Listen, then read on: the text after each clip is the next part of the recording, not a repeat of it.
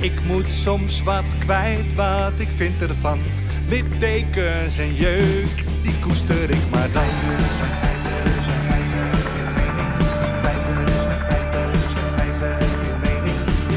Duidelijk en luid. Riemen vast vooruit,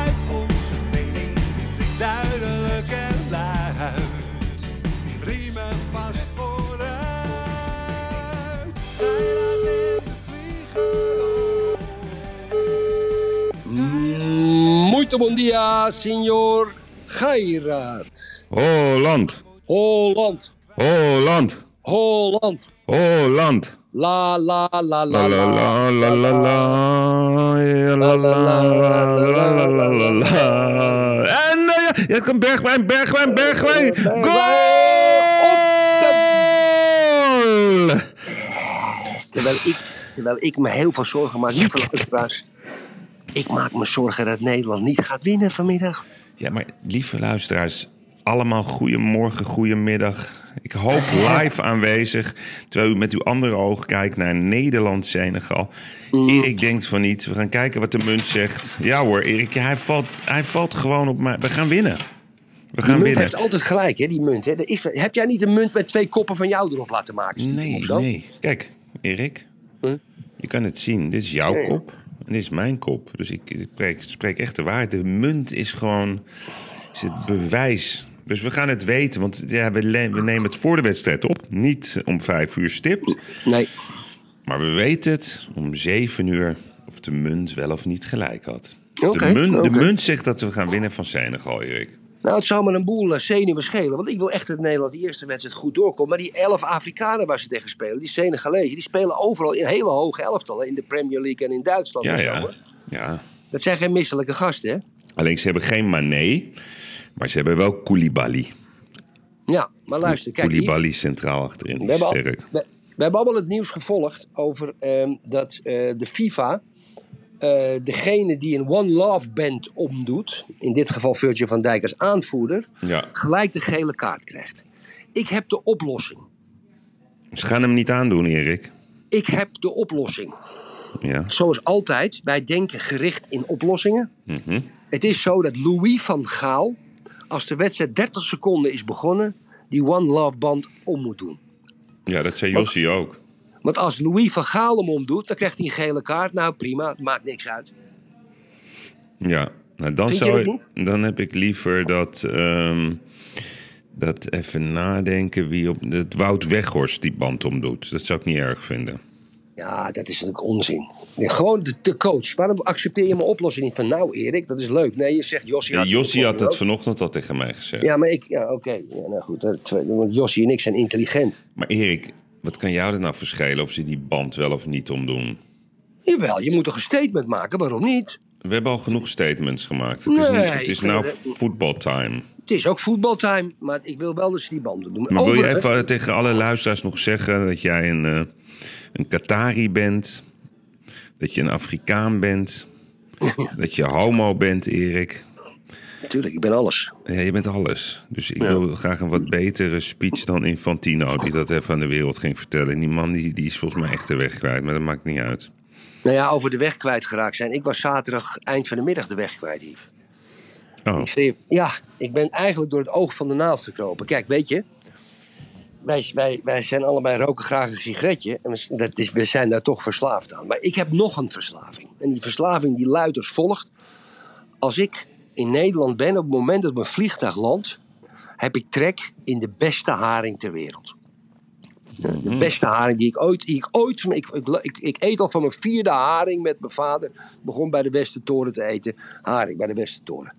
Maar de Vollendammer vishandel in de eerste van de Helstraat, een zijstraat van de Albert Kuip, die hebben de beste haring ter wereld. Veruit. Nummer twee weet ik geen eens. Dus ik rende nog even, want ik was te laat.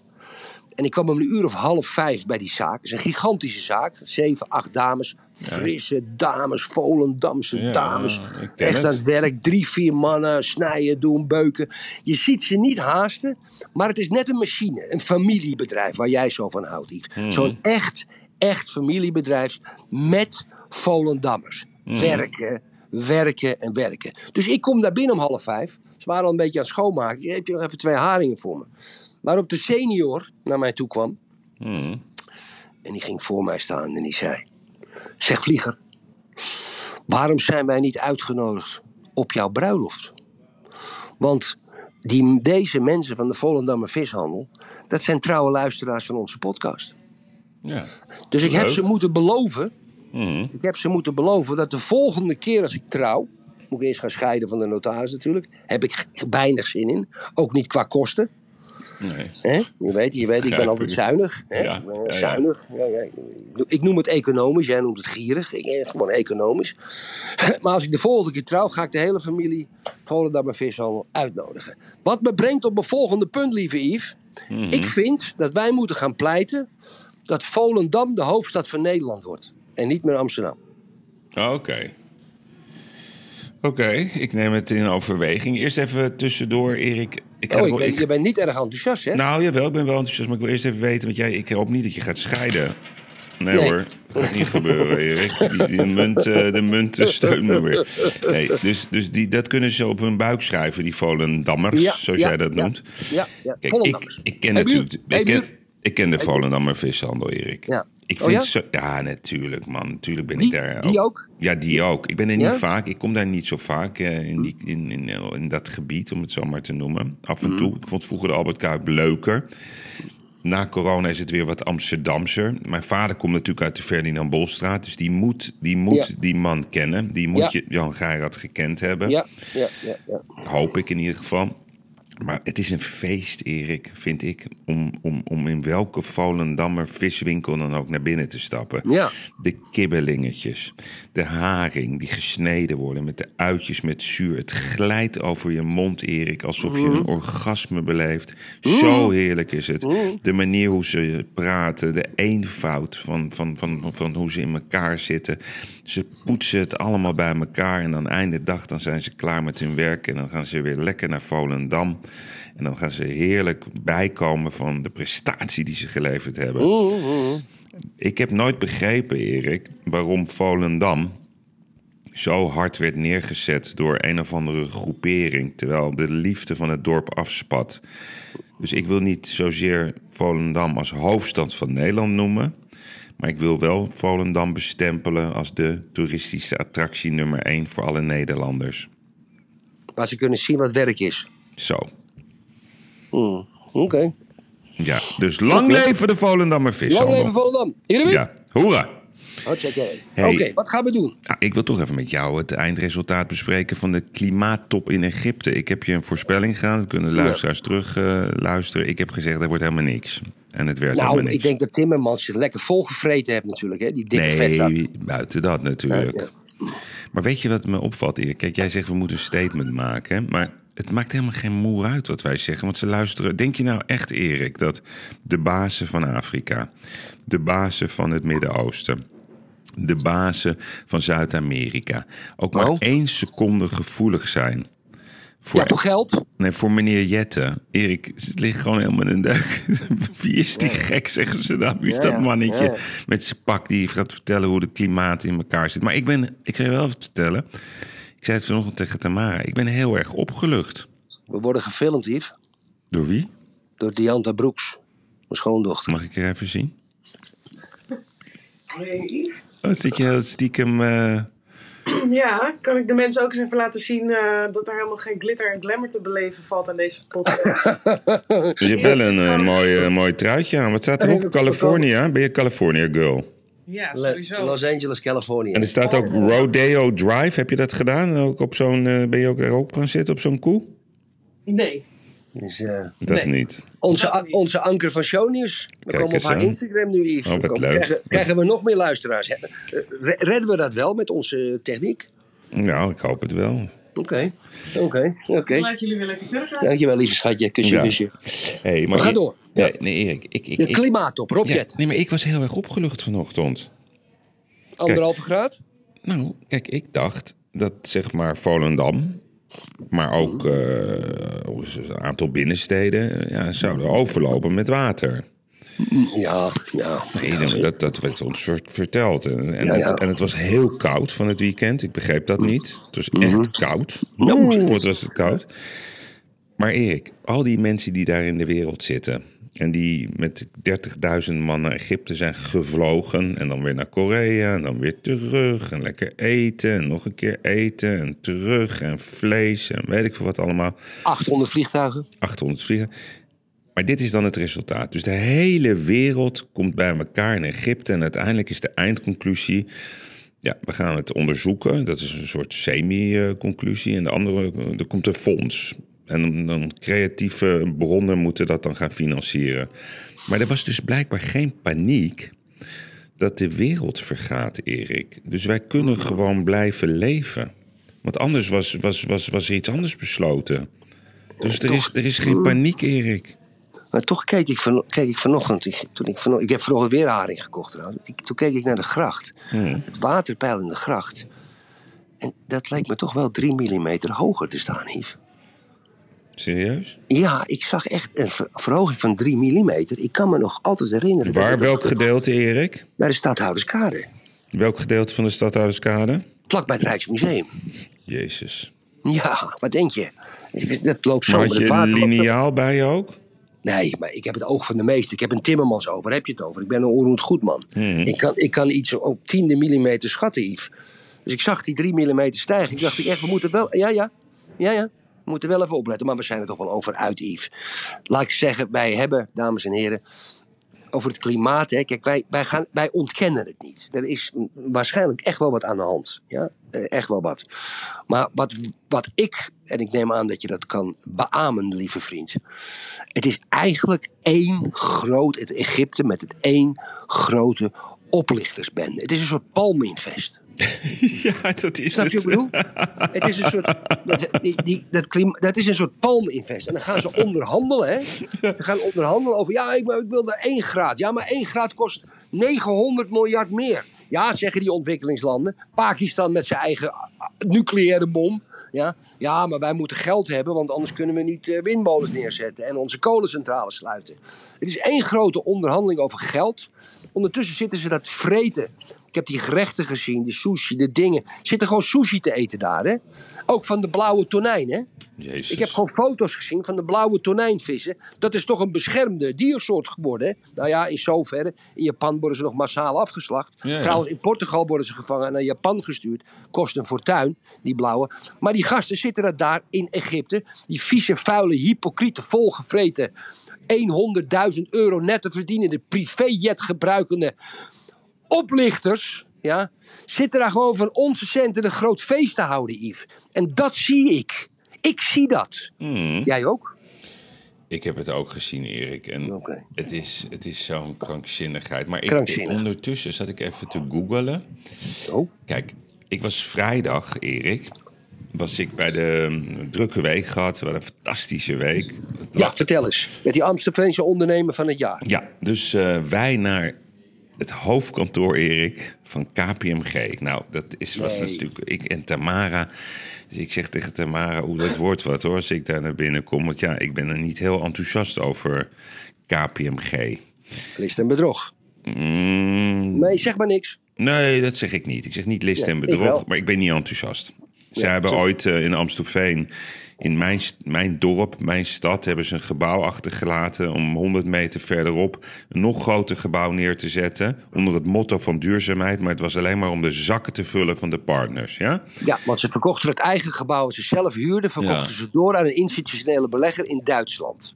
Ja. Een pensioenfonds. Maar dan denk je, wie betaalt dat allemaal? En tegenwoordig is er een app, Erik. En die app, dat is eh, bedacht door Wouter Aukema. En dan kan je kijken wie de leveranciers zijn van de Rijksoverheid. En dan kan je zien hoeveel centjes er naartoe gaan. Ik heb hier voor me de data van 2015 tot 2020. Erik, ik hoef alleen maar te kni- knipperen. Hier, KPMG Advisory NV. Mi- Ja. Minimale kosten 1,6 miljoen, maximaal 3,5900. 3,5 miljoen ruim. Dan KPMG NV. Minimale kosten 1,2, maximum 2,7. En weer een andere. 610 minimaal, maximum 1,3. En nog zijn allemaal factuurtjes. Zijn het allemaal factuurtjes? Allemaal minimaal 510. Dus dat zijn projectsommen, maximaal 1, wat is het hier? 1,1 miljoen. En het gaat maar door, Erik. Dus Dat zijn facturen van KPNG en onze overheid. Ja. Zie ik dat goed? die betaalt dat dus. Ja of niet? Ja, of nee? ja. Ja, oké. ja. ja, je moet ja zeggen, want de luisteraar snapt dat niet. Hè? Dus dan kom je daar in zo'n gebouw dat je echt denkt, wat, wat is dit voor gebouw? Dat is zo groot, Erik. Het schijnt ook dat de mensen daar vooral vanuit huis werken. denk ik, ja, wat is het? Is het een museum? Nee, nee, daar worden de beslissingen genomen.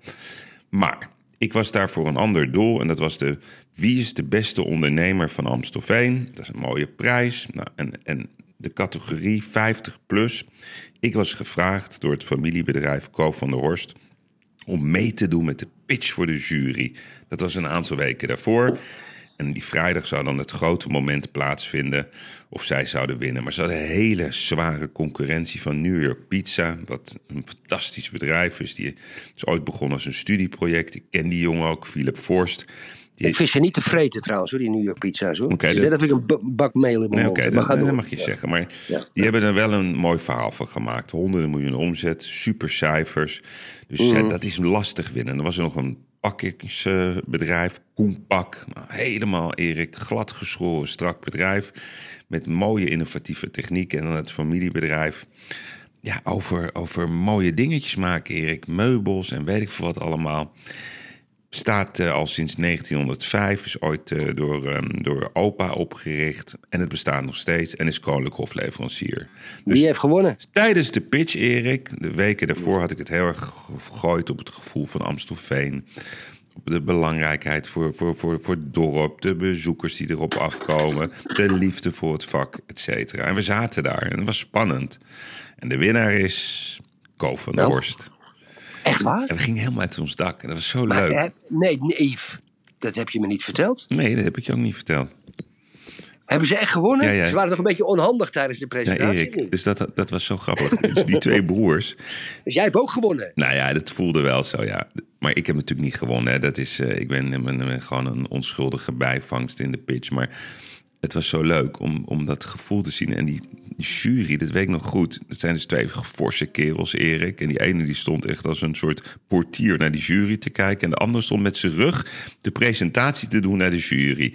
Dus toen ik die pitch deed, ik zeg, nou ja, de, de, de heren gaan niet winnen op basis van hun presentatietechnieken. Dus ik denk, die ga ik meteen al onderuit schoffelen. Maar toch de charme, de jury heeft toch de charme gehad voor dit bedrijf. Dus ja, we hebben een leuk. fantastische avond gehad, Erik. Fantastisch.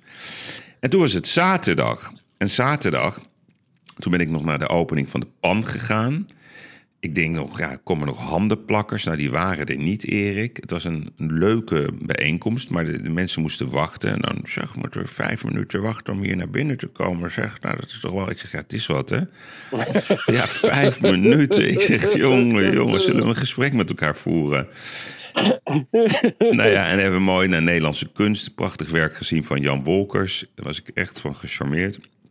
En toen ben ik aan, de, aan het einde van de dag moest ik naar het, en dan wil ik je toch iets uit voorlezen, Erik. Het heeft me geraakt. Ik had in Noordwijk had ik een gala van de KNRM. Dat is de Koninklijke... Koninklijke Nederlandse Reddingsmaatschappij. Ja, en wat doen die mensen, Erik? Dat is echt geweldig. Dus als jij bijvoorbeeld de zee op gaat surfen, ja, dan gebeuren er ongelukken. En dat zijn dan de mannen en de vrouwen die gaan jou redden. En normaal bij een gala is het een borreltje en een drankje, Erik. En niemand is geïnteresseerd in het goede doel. En ze geven wel wat en zo. Maar dit was anders. Dus we werden meegenomen naar een ruimte. En toen kwam het moment voor mij van de avond. Want daar was ene Marjolein. En de lichten gingen uit. En zij gingen ons wat voorlezen. Maar ik wil het delen met de lezers. Want het gaat over een boek. Oké. Wij denken dat uw zoon vermist is. Wat is dat nou voor gelul, denk ik? Vermist? Hoe lang moet je weg zijn voordat iemand je als vermist opgeeft? In de nacht van 11 op 12 mei 2020 hoort Marjolein Hartman dat haar zoon Max één van de vijf omgekomen surfers in Scheveningen is. Godsamme. Ze zijn gestikt in een meters dikke schuimlaag die zich door een plots draaiende wind voor de kust had verzameld. Het drama is wereldnieuws. Volledig onderuitgehaald probeert ze zich staande te houden in een wereld die compleet op zijn kop staat. Op zoek naar houvast begint ze al na enkele weken te schrijven. Recht voor zijn raap, liefdevol, eerlijk.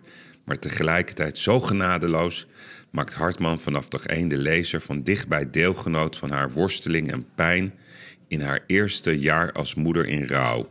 Rouw, met een A, is een boek over de pijn die iedere ouder kan overkomen, maar waar de meeste mensen zich geen raad mee weten. Het is voor alle betrokkenen een zoektocht. Het hele leven zoals het was is weggeslagen en moet opnieuw worden uitgevonden. En dat begint bij het delen van verdriet. Misschien niet door het in stukjes weg te kunnen geven, maar door mensen om je heen toe te laten hun liefde te tonen. Dit is waar rouw uiteindelijk over gaat, over de liefde. Deze Marjolein Erik, die heeft ook nog eens haar vader verloren. Die was doodgeknald in eh, Amsterdam-Oost. Die had een sigarenwinkel in 93. Je kan het bijna allemaal niet voorstellen dat één mens dit overkomt. Hè? En je vader wordt neergeknald. En je liefde, je zoon, die wordt gewoon op 23-jarige leeftijd uit het leven gerukt. Ja? En dan heeft ze nog de kracht om, om voor deze belangrijke KNRM zich in te zetten en daar te staan. Ik bedoel, het was zo hartverwarmend. We hebben het ook ehm, gesteund, uiteraard, toen de veiling begon. Maar echt, chapeau. Echt waar. En ook voor al, die- al Mooi. die reddingsmensen. Het was, van, Mooi. het was fantastisch. God, Yves, wat mooi. Wat een, wat een, wat een triest verhaal. Eerst je vader doodgeschoten. Dat is nog tot daar en toe, zeg maar. Klinkt wel een beetje raar. Ja, en Erik, en als ik zat dus... als je het bericht krijgt dat je, je, je, je- als je het bericht krijgt dat je zoon is verdronken van 23, weet je. En ik, wat, wat mij net opviel over wat je zei. Je moet daarna natuurlijk, we denken er allemaal wel eens over aan, over die tragedies. Het begint al als je zoon of je dochter naar de tram loopt voor het eerst. Ehm, je moet daarna toch je leven opnieuw uitvinden op een of andere manier. En ik denk dat er heel veel mensen zijn die dat gewoon niet lukt. Nee, maar die, die vrouw, en dan mocht je dus daarna hand geven. En toen stond ik voor haar en toen, toen zei ik: heb je, heb je nog meer kinderen? Nou, weet ik niet meer. Volgens mij zei ze nog een dochter. En toen zei ik: En je man? Die man is weg. Ik zeg: Jezus, moet je dat ook nog? Heb je dat ook nog? Ik zeg: Jezus, wat wat een bewondering. Maar dat gebeurt vaak, Yves. Dat gebeurt vaak. Hè. Een, huwelijk, een, een huwelijk redt het niet meer. Er zijn heel veel gevallen wat ik ken waar, een- waar een kind is gestorven. En dan, dan, dan redt het huwelijk. Laatst weer in Portugal een makelaar die ik ken. En zei, ja, maar er was een leidersweg ook een kind stierf. Die van vijf, zes jaar. Dus al ziekenhuis in, ziekenhuis uit. Er was al met, met de geboorte wat. En uiteindelijk was dat kind gestorven. En ik, ja, hoe is het met je vrouw? Ja, we, doen ons best, maar de koek is op. Hmm. Ja, ze, zien in, ze zien in elkaar het verdriet. En dan is het wel eens, ja, ik, ik kan daar niet over oordelen hoor, maar is het wel eens beter, zoals ik het begrijp, dat je beter uit elkaar kan gaan en allebei opnieuw je leven kan uitvinden. Want gezamenlijk is het te triest. De foto's die er staan, de dingen, et cetera. Hmm. God, zou mij bewaren, Yves. Je hebt wel wel wat op de maandagochtend. Ja, Hm? Maar ja, maar goed, wel mooi. dat Goed is wel. gedaan. En het- weet je wat uniek was? Ik zat dus aan tafel bij. eh was, was uitgenodigd. Ik ging met, met, eh, met Steve te pas. St- Ja. Steve, dat heb ik al vaak verteld, is een enorm goede vriend van mij. Dat is echt een su- super talent. Die, die is aan het doorbreken. Die had een werk ingebracht, helemaal belangeloos. Die ging voor 41.000 euro ging hij weg. Un- idee. fantastisch. Maar ik zat ook aan tafel met een andere man. En ja, ik kan zijn naam wel noemen. Laurens Last, Erik. Ik zeg, Laurens Last? Ik zeg, ben jij Laurens Last? Ja. Daar had ik dus, die jongen heb ik al, nou, ik denk al ruim 35, negen, ja, 35 jaar of zo niet gezien. Daar heb ik altijd mee gevoetbald. Bij AFC. We zaten samen in het team. Konden heel aardig ballen. Ik denk, oh, ben ik blij dat ik jou zie. Want hij is mijn bewijs dat ik een goede voetballer was. Dan moet ik elke keer aan mijn, ki- aan mijn kinderen uitleggen. Ik zeg, Laurens, je moet me redden. dus hij, hij is mijn bewijs. Maar die gozer, Erik, die is gewoon miljardair, hè? Die had een, Oh ja? en die is niet te geloven. Die heeft een, een, een pakketje of een, een soort verpakkingssysteem bedacht. Eh, niet te geloven. Uniek verhaal. Maar ik vond het vooral heel leuk, want ik heb heel veel lol gehad met hem. Hij was vroeger kapper. Hij kon heel aardig ballen ook. We speelden samen op het middenveld toen in, in de jeugdselectie. Uniek om, om zo'n jong uit dit niets weer te zien. Dus eh, Geweldig, genoteerd. gek hè, zo'n avond. Zoveel verschillende indrukken. Fantastisch, Fantastisch. fantastisch. Fantastisch. Ik, eh, ik wil voorstellen, Yves, dat we naar het, eh, het onderwerp gaan waar we het eigenlijk al weken en dagen over hebben. Ja, Dat is de, de, ja, de Matthijs van Nieuwkerk. Hè? Ja. Het is, eh, de Volkskrant heeft het blootgelegd. Mhm. Hij heeft 17 vrouwen verkracht. Hij heeft eh, meisjes van zeven jaar, acht jaar heeft hij proberen te versieren. Ehm, hij heeft eh, mensen hun kaak gebroken. Eh, hij heeft ehm, eh, 1 kilo kooksnovi per maand. Hij heeft mensen beledigd, hij heeft grove taal gebruikt. Ehm Yves en lieve luisteraars, kijk, ik, en ik zie ook luisteraars, ook volgers op Twitter, die trouwe luisteraars, die eigenlijk heel boos zijn op Matthijs van Nieuwkerk, omdat hij iemand verrot gescholden heeft. Iemand op- moest Matthijs van Nieuwkerk tegen hem zeggen. Kijk, Matthijs van Nieuwkerk, wij maken een podcast elke dag. Hij heeft 15 jaar, ja. Bijna elke dag, acht maanden per jaar, negen maanden per jaar. Tussen 7 en 8. Topsportprestatie pres- prestatie geleverd. Als die man een heel vervelend karakter heeft, dat kan. Ja, er zijn meer mensen met een vervelend karakter. Maar die man heeft van zijn 80 personeelsleden altijd het uiterste geëist. En daarom was het programma goed. In die 12 of zeg maar 12 jaar die wereld draait doordeed. Ja, hoeveel keer zal hij gemaakt hebben? 150 keer per jaar. Misschien 1800 uitzendingen gemaakt. Ik heb tien voorbeelden gelezen over zijn gedrag. Eh Yves, ik vind het helemaal niet zo erg. Ik vind het een storm in een glas water. Ik vind het een ongelofelijke afrekening. Hij heeft natuurlijk een paar dingen gedaan in zijn leven die niet normaal zijn qua het vernederen van mensen. Ik heb ook wel eens fouten gemaakt naar mijn personeel toe. Mensen die me echt irriteerden, die geen initiatief namen, die ik altijd moest achter een reet aan moest zitten en dingen. En op een gegeven moment heb ik ook wel eens gezegd: hé, hey, boerenlul, ja, ja, je werkt net zoals je uit je ogen kijkt, stomme lul. Ja, ik heb dat ook wel eens gehad in je, in je drive, in je, in je fanatisme. Yves, ik vond het eigenlijk helemaal niks. Oké. Eh, maar Vind je ehm, vernederen, even gewoon even dat onderdeel, hè? Heb jij mensen wel eens vernederd? In, in, in- Misschien, misschien Yves, misschien heb ik dat gedaan zonder dat ik het weet. Ja, ja. Ik- nee, maar dat ik vind ik iets dat- anders misschien, hè? Kijk, ik, ik heb een beetje, een beetje mixed feelings over dit allemaal. Eh, Ja, ik heb wel eens mensen vernederd, ja. Dat we in een groep zaten met een paar makelaars. Die makelaars zaten met makelaars en met beleggers. En die ene makelaar, ja, maar dit is hartstikke, die bleef maar liegen. Ja? En toen heb ik gezegd, "Wa- wacht eens eventjes. Ik zeg, hé hey Pik, waarom, heb jij, waarom, werk jij, waarom werk jij voor een makelaarskantoor? Weet je het allemaal zo beter van het object? Ja? Terwijl ik gewoon voor mijn eigen pool werk. Wat zit je nou eigenlijk te zeggen? Je zit hier gewoon te liegen. Is liegen soms je vak? Wil je me voor liegen een factuur sturen?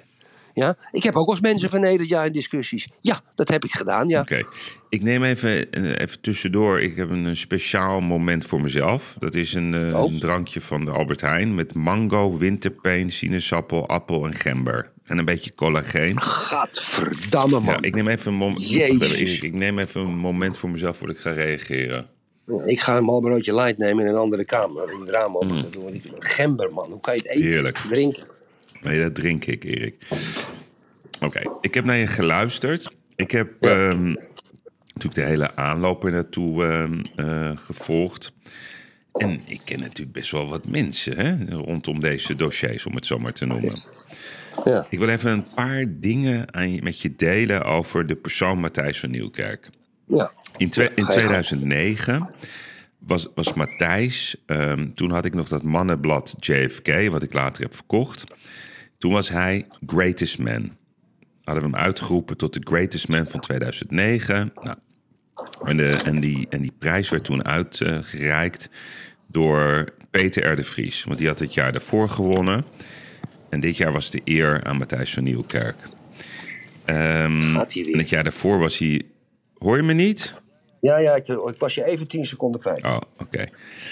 Nee, had je gehoord wat ik je vertelde? Dat hij. Ja, de greatest man. Ja, ja, ja. En, en, en, en die prijs werd uitgereikt door, door Peter R. de Vries. En de winnaar kreeg ook een heel dik horloge, Erik. Anders was hij denk ik niet gekomen. En die avond, Erik, kwam hij in een bontjas. Ik dacht wel, wat een gek is dat. Maar ik vond het allemaal prima, want de redactie, die, eh, dat was toen nog onder leiding van, ehm hoe heet die, Willem Waars. En er zat een jury, maar ja, dat was natuurlijk een beetje dobbelen, hè, Erik? Dat begrijp je ook wel hoe dat ging. Dat, dat, dat- we hadden een jury met... eh, Nee, dat begrijp ik niet. ja, dat is allemaal, niet- moet je allemaal niet zo serieus nemen. De- de- de- in de jury zat Dinant Woesthof, Twan van Peperstraat, eh, modejournalist Fiona Hering, En, en de hoofdredacteur van het blad. En ik mocht er ook nog wat over zeggen. Alleen dat moet je ook weer niet te serieus nemen. Alleen hij wou alleen maar gefotografeerd worden door, door eh, ja, ik weet die naam niet meer, volgens mij Stefan Plet, een beroemde, beroemde eh, Belgische modefotograaf. Dus ik zei, wat een ijdeltuit zegt die man, jongen, jongen, jongen. Maar goed, hij had een status. En echt, Matthijs van Nieuwkerk, Erik, als je die naam noemde bij, bij die hele grachtengordelbeweging. Oh, Matthijs van Nieuwkerk, jongen, jongen, jongen. Nou, dat was echt eh God zelf. Ja, zeiden ze over mij ook. En? Nee, ik, laat me nou eventjes het verhaal van maken. Ja, hm, oké. Ja. Ik heb zelf ook een keer bij de Wereld Draait Door gezeten. En toen werd ik eh, benaderd. Dat ging toen over die hele Johan Cruijff kwestie. Alleen ik had wat bij TAN toen over geroepen. Ik was bij Op één Vandaag. Toen belden ze me op. Ja, we willen je eh, vanavond als gast. Ik zei, ja, maar ik heb helemaal niks te vertellen. Ik heb iets verteld over hoe het er bij Ajax aan toe gaat. Ja, ik vind dat niet gezellig. Ja, maar willen met, met je erover praten. Ik zeg, maar dan lijkt het net alsof ik woordvoerder ben. Nee, zeggen ze. We willen gewoon met jou over voetbal praten. En jij bent toch wel een beetje van het kamp Matthijs. Jullie hebben een soort evenwichtige mening. En aan tafel zit ook Frits Barend en Jan Mulder. En dat zijn echt Kruif-adepten. Ik zeg, nou, ik ook. Alleen, ik vind het niet zo handig hoe Kruif tekeer gaat. Nee, maar dat is ook de bedoeling dat we gewoon over voetbal gaan praten. Dus ik kom die studio in, Erik. Nou, allemaal ontvangen. En het was een leugen. Want hij begon meteen, jij die brief. En ik denk, ah, ik had toen meteen moeten opstappen. Ik zeg, dit was niet de bedoeling. En na de uitzending ging hij meteen weg, weet je, geen blik waardig. Toen dacht ik, nou, die man heeft wel narcistische eigenschappen.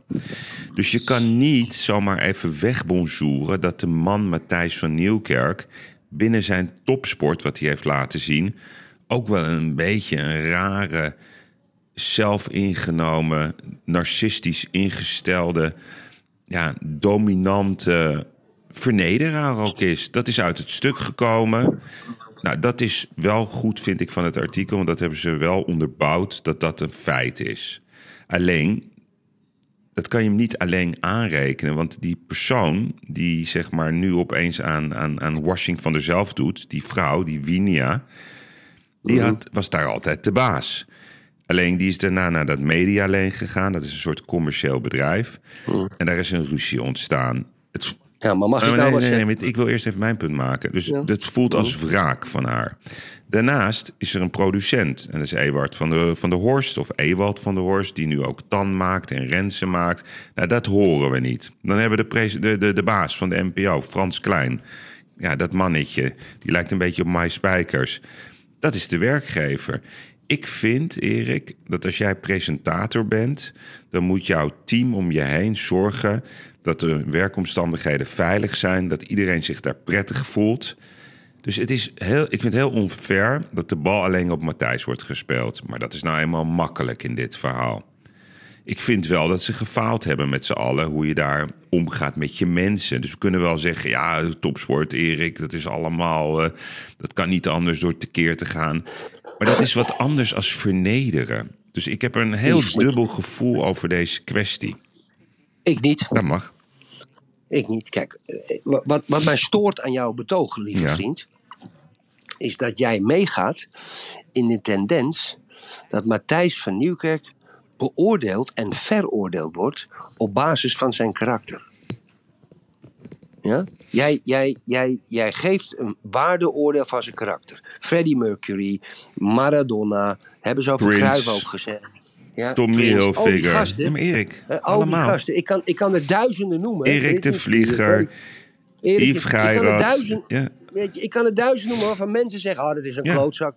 Ja? Kijk, jij staat op de beurs. Jij staat op de beurs en dan heb je, dan ben je vier dagen lang topster aan het bedrijf. Je ogen, je ogen gaan overal naartoe. Je ziet alles, je moet. Iedereen komt nog naar je toe. Terwijl je praat, let je op, zie ik aan je. Want ik zit je natuurlijk wel eens te bekijken.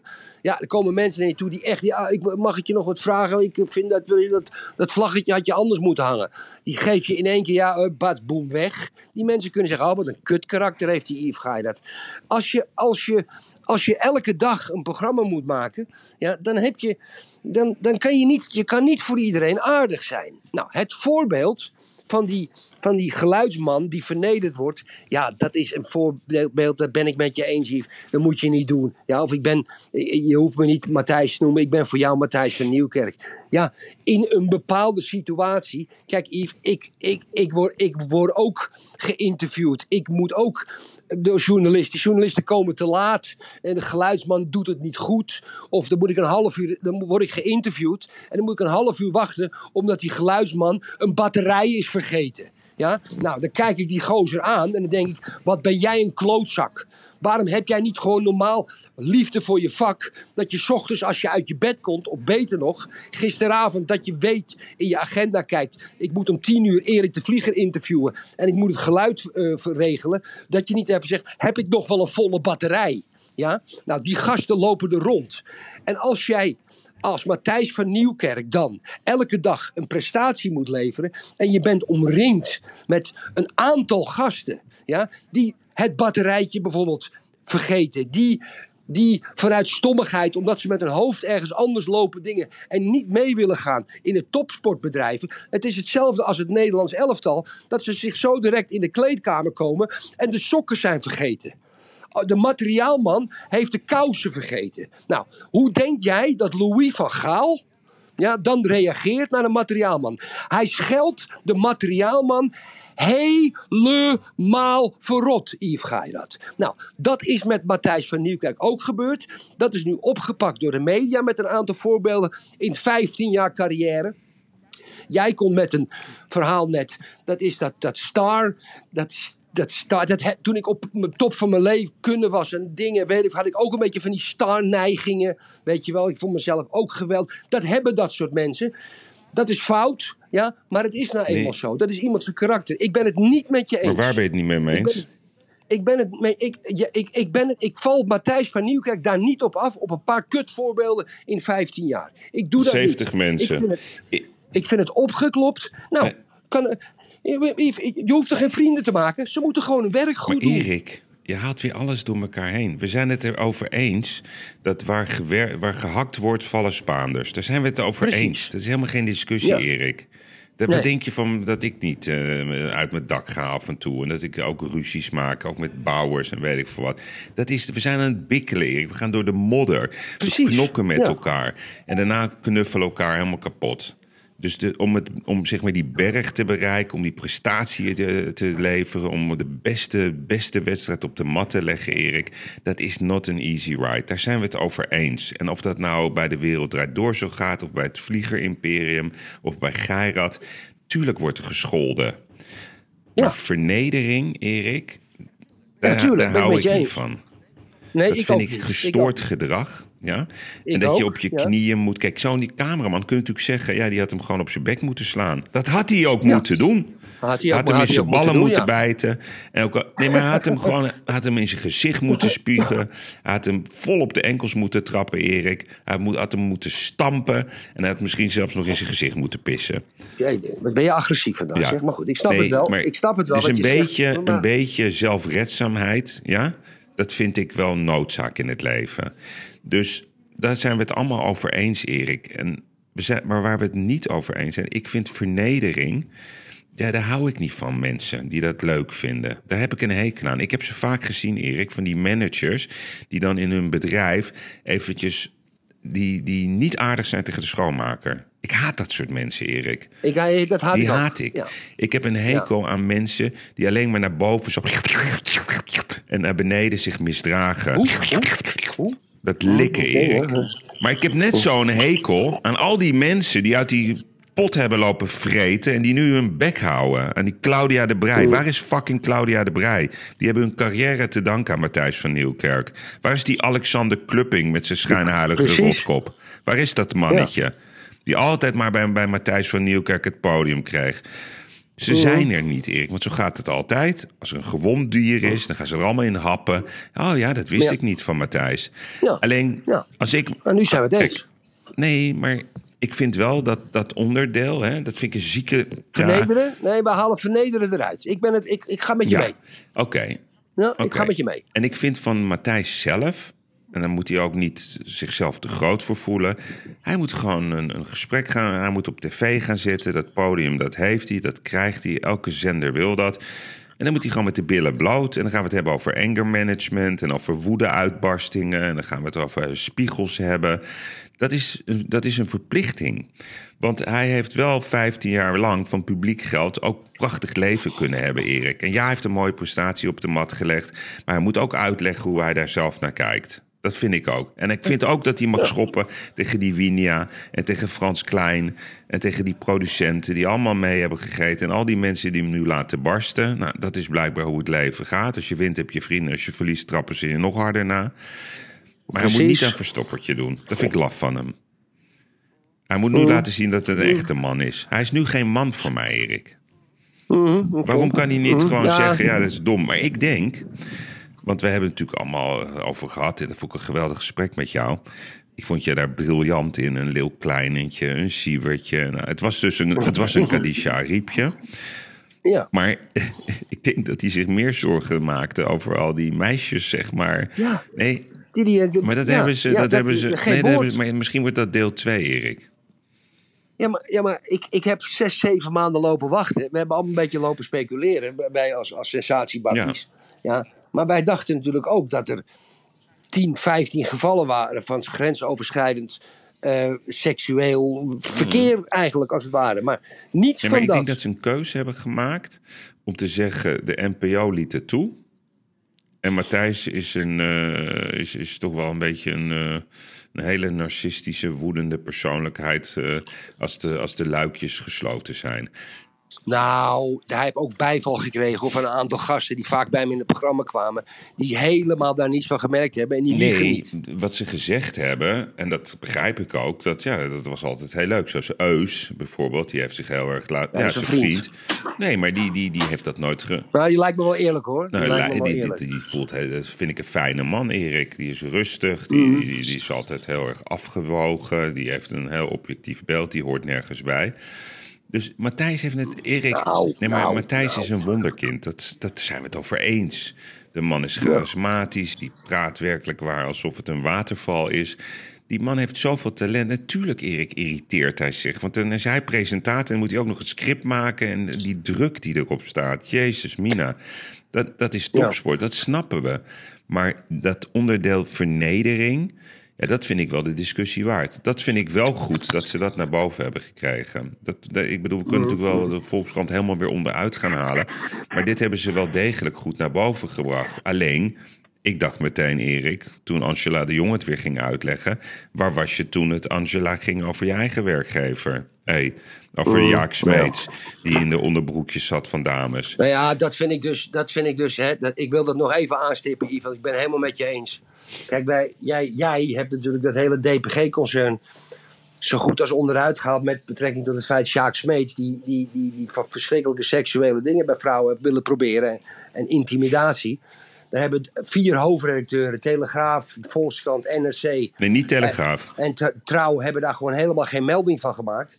Terwijl ze er wel vanaf wisten, de hoofdredacteuren, al die gasten met boter op hun hoofd. Ja. Dat wist Angela de Jong, Algemeen Dagblad, heeft dat gewoon ook allemaal niet genoemd en verzwegen. En nu loopt ze, ik vind het zo'n schijnheilig wijf. Niet normaal. Je, ik vind het zo'n ik vind het zo'n schijnheilig wijf. Ja, en dan zegt zij, wie, hoe de fuck is zij? Gaat zij even zeggen, ja, dat? ja. Ja. Ja, de vraag is of Matthijs wil terugkomen. Nou, ik zeg, als ik John de Mol was, Erik... Die aanbieding lag er al. Ja. Ja, nee, hij is ooit door RTL 4 benaderd. Heeft hij niet gedaan, dat weet ik toevallig. Dat, is heel serie- dat is echt jaren, jaren geleden. Dus hij ging echt niet voor het geld. Hij ging altijd voor de wedstrijd, voor, de, voor het mooie product. Alleen enorm veel eisend. Man heeft wel een probleem natuurlijk met zichzelf. Dat lijkt me wel dat dat duidelijk is. Maar, maar dat staat los van het feit dat hij A, een absolute topper is. Absolute top op zijn gebied. Aan de andere kant, Erik, het was altijd hetzelfde sausje bij de Wereld Draait Door. Hetzelfde stemmetjes, laten we daar ook eerlijk over zijn. En aan de andere kant, ja, heeft die man ook een ding. Ja, dat had Prins ook, dat klopt. En dat heeft Rembrandt had dat ook. En dat had Cruijff ook. Ja, dat is nou helemaal zo. Dat Ze hebben allemaal een, een afwijking, die topmensen. Alleen die schijnheiligheid, Erik, van al die mensen die eerst Matthijs op het, op, zeg maar op het paard zette... en nu weer hardlachend eh, zeg maar die, die straffen aan het uitdelen zijn, dat cancelen... Terwijl bij hun zelf, in hun eigen winkel, in hun eigen huis... een roofdier, een seksueel roofdier eh, rondliep. En- dat oh, hebben ja. ze alleen maar geplaatst achteraf, een soort reconstructie. Ja. Maar zeer, zeer, zeer oppervlakkig, Erik. Ja, ja. Ja, hoe het daaraan toe ging. Ja, daar word ik zo moe van. Ik word zo moe, Erik, van dat hele NPO-bolwerk... en die NRC en die Volkskrant... die de hele dag maar aan het uitleggen zijn hoe we moeten leven. Leven Volendam, Erik! Zo is dat. En eh, de hypocrisie is niet van de lucht. Zo zagen wij ook in Staphorst, dames en heren. En eindelijk de, de, de, de grote organisatie. De organisatie die alle mensenrechten in de wereld bewaakt. Overal waar ook wat is. Ze rijden met auto's in Iran om de vermoorde vrouwen te beschermen. Die vermoord zijn, proberen ze te beschermen. Ze lopen in Afghanistan. Een auto van Amnesty International rijdt op dit moment in Afghanistan. Om de Taliban uit te leggen dat vrouwen dezelfde rechten hebben, dames en heren. Het is zo belangrijk dat ze dat doen. Het is gewoonweg heerlijk wat Amnesty International deed. Vooral dit weekend in Staphorst. Ik word er misselijk van. Een auto van Amnesty International, dames en heren, is meegereisd met de Kick-Out Zwarte Piet organisatie die in Staphorst, waar iedereen van weet, wij willen Zwarte Piet op onze manier doen. En hebben jullie me niet mee te bemoeien. Wij hebben eeuwenlang hebben wij onze dingen gedaan zoals we dat willen. En nu heeft Amnesty International in al haar wijsheid besloten om te gaan kijken hoe Kick-Out Zwarte Piet in Staphorst ging demonstreren. En ze gaan een klacht indienen bij de Verenigde Naties. Staphorst komt op een lijst van de Taliban, op een lijst van de, de Ayatollahs in Iran. Saddam Hussein 3.0 is Maar Staphorst geworden. mag ik Ja, wat vragen? Ben je nou voor of tegen Zwarte Piet? ik ben tegen Zwarte Piet. Oké, nou daar zijn we het dan over eens. Kijk, Kijk. ik ben in zoverre, ik ben in zoverre, ik, ga, ik moet hem wel even nuanceren. Ik vind, ik vind als heel veel donkere mensen, het gewoon überhaupt niet heel veel, er aanstoot aan hebben dat dat gedaan moet worden, vind ik zelfs voor de kinderen, vind ik het prima als we uit piëteit, je moet er geen wet, je moet het niet gaan opleggen, dat moet vanzelf gaan. Als Staphorst wel zwarte pieten wil hebben, dan moet Staphorst wel zwarte pieten hebben. In andere gemeentes lopen paarse pieten, gele pieten, roze pieten. Ik hou van vrijheid, Yves. Ja, maar weet Ja? je, weet je wat, wat, wat, wat- hoe... Kijk, stel nou voor, die, die, die gasten, als ze het zouden menen, van, van die, van die kick-out beweging, die kunnen toch gewoon even bellen met de baas van, van Stappor. Zeggen, joh, we willen even zonder camera's, willen we ons verhaal even aan jullie vertellen. Het zit gewoon niet lekker, het voelt niet fijn. Zou je ontzettend op prijs stellen als we naar Stappers mogen komen in een besloten ruimte. We komen met een mannetje of tien en dan willen we gewoon ons verhaal vertellen, ons verleden, waar we vandaan komen en uitleggen waarom het ons pijn doet. Ik denk dat alle staphorstenaren, ik weet niet of dat het goede woord is, die zeggen natuurlijk, kom langs. Dan vertellen die mensen het verhaal en ze zeggen, nou oké, dat begrijpen we. Maar dat willen ze volgens mij niet.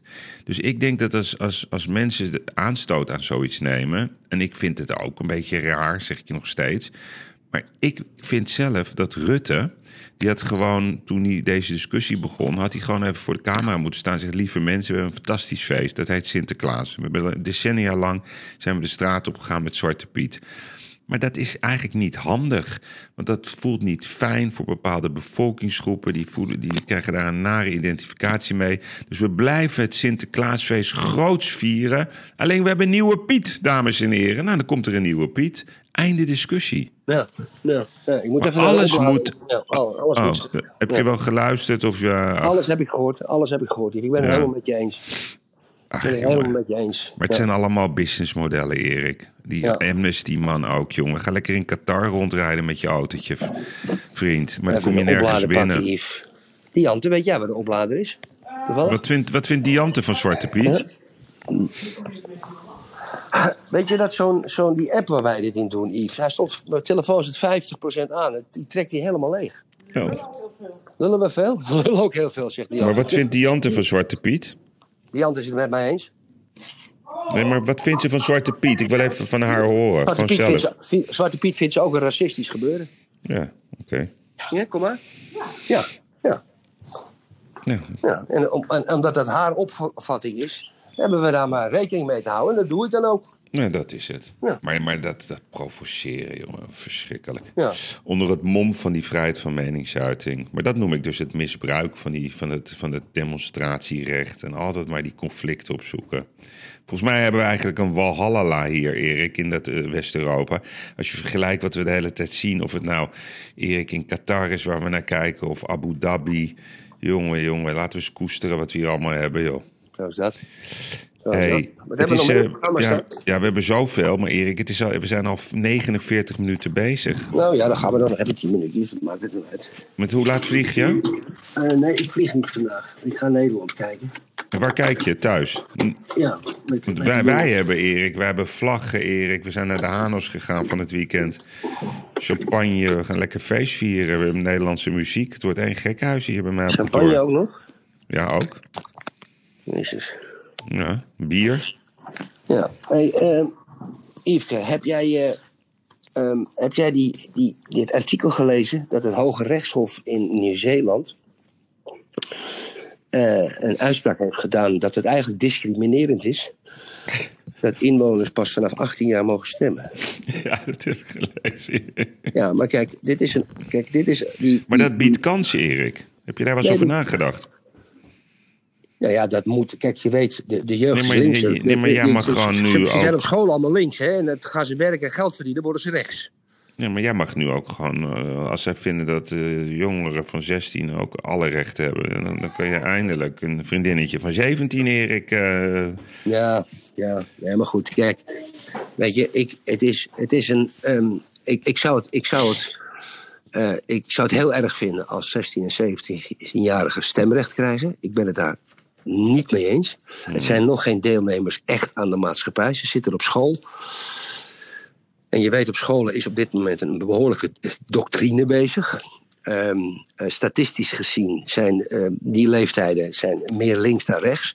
Dus het is eigenlijk alleen maar een politieke beslissing van eh, de groep eh, D66, GroenLinks, PvdA. Wat in Nieuw-Zeeland natuurlijk ook eh, de boventoon voert. Hoe jonger de kiezer, hoe linkser hij is. Hoe, hoe, hoe, ouder de kiezer, hoe rechtser hij is. En dus het is eigenlijk een politieke beslissing.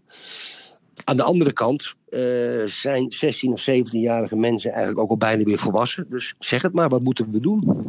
hmm. Mooi betoog. Ehm, ik vind het wel goed betoog. Want ja, dit is wel zo, Erik, dat de, jeugd van tegenwoordig is, is toch wel beter geïnformeerd. Oh, dat, dat is het mooie van internet. Ze hebben veel meer kennis. Ja, de vraag is, kan je als 16-jarige, heb je het vermogen om, om een weloverwogen stem te maken? Ja. Ja nee. In sommige landen wel en in sommige landen niet. En in sommige eh, omgevingen wel en sommige niet. Ik vind 18, Erik, dat vind ik een mooie, mooie keuze. Vind ik een mooi getal. Ik ook. Ik zie ook weer niet het nut van deze discussie. Maar Erik, Precies. Erik als ze niks hebben, dan bedenken ze wel weer iets, joh. Zo is dat. Ja, ja zo is dat. hey, Erik, ik ga me toch wel een beetje opmaken voor, voor, voor, voor, voor de wedstrijd. Ja. Zullen we toch één, één klein voorspellingje doen? Wat denk jij? 1-1. 1-1, oké. Ja, ik ben altijd optimistisch, dat weet je. Dus Mm. ik, ik denk toch dat wij gewoon, eh, gewoon eh, met 2-0 gaan winnen. Oké, genoteerd. En Ga je een, hele sterke Frenkie de Jong. En Erik, Oh, al die waarschuwingen dat het WK geboycott zouden worden. Ik heb hier de kijkcijfers van gisteren voor me liggen. Hoeveel mensen denk, dat, denk jij dat gekeken hebben naar de opening van het WK en de geweldige affiche Qatar tegen Ecuador? Hoeveel anderhalf miljoen mensen. Anderhalf miljoen Ja. Nou, nu de waarheid. Het was de tweede plek op de lijst van de kijkcijfers. 2.195.000. Zo, zo. Maar samengesteld kwam het neer. Dus dat betekent dat mensen later instappen. Bijna 4 miljoen mensen. En nu komt hij. Een marktaandeel van 54,1 procent. En wat betekent dat? Dat op het moment van kijken... dat elke, dat één op de twee Nederlandse huishoudens... keken naar het WK. Mm, De televisie kijken naar huishoudens, keken naar het WK. Ja, dus Ja. de cancelbeweging, die hebben verloren. Want mensen vinden het blijkbaar leuk om te kijken naar het WK. Is dat erg? Nee, dat is niet erg. Doe vooral waar je zelf zin in hebt, lieve mensen. Maar ik hoop wel dat Louis van Gaal als coach de One Love band om zijn arm heeft vanavond. Oké, om vijf uur. Dat mag. Dat hoop ik echt. Oké, dat mag. Dat moet Louis van Gaal doen. Met Want, zijn middelvinger naar die fucking FIFA. Ja. Hij heeft gezegd dat het nu tijd is om... Het is tijd om te voetballen, Erik. Ik, ik weet niet of dat de taak is van Louis Matthijs van. Nieuwkerk, Ma- Matthijs van Nieuwkerk vertrekt bij BNN-Vara per direct na Volkskrant-onthullingen. Ja, nou dat is toch prima. Dan kan hij lekker naar Talpa. Lekker naar Talpa, Matthijs. Lekker naar Talpa. Ja. Maar, Naast die maar, maar de volgende vraag. Erik. Gaat Frans Klein ook opstappen? nee, natuurlijk niet. Nee, en, en, krijgt. Sula Rijksman nog een, eh, een, een oorwas? Ja? En moet de producent weg? Ja. Yves, hou op, hou op. Ja, ja. Luisteraars, we gaan ermee stoppen. We gaan voetbal kijken. Het is morgen, Erik. We gaan kijken Tot of de munt gelijk had. En ik spreek je morgen, ja? Dankjewel, vriend. Dankjewel, luisteraars. En eh shout-out nogmaals voor de kibbeling- en haringspecialist van Nederland... en al het andere lekkers van de Volendammer De Vishandel. eerste van de Helstraat. Heerlijk. Tot morgen. Tot morgen, Erik. Bye-bye.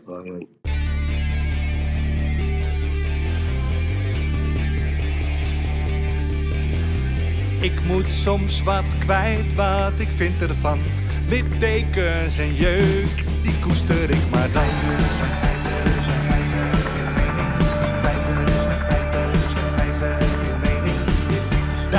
Duidelijk en luid. Riemen vast vooruit, onze mening. Duidelijk en luid. Riemen vast vooruit. Laat in de vliegen, oh, oh, oh. Laat in de vliegen. Ik moet soms wat kwijt. Mijn mening. Meer dan 80 jaar ervaring.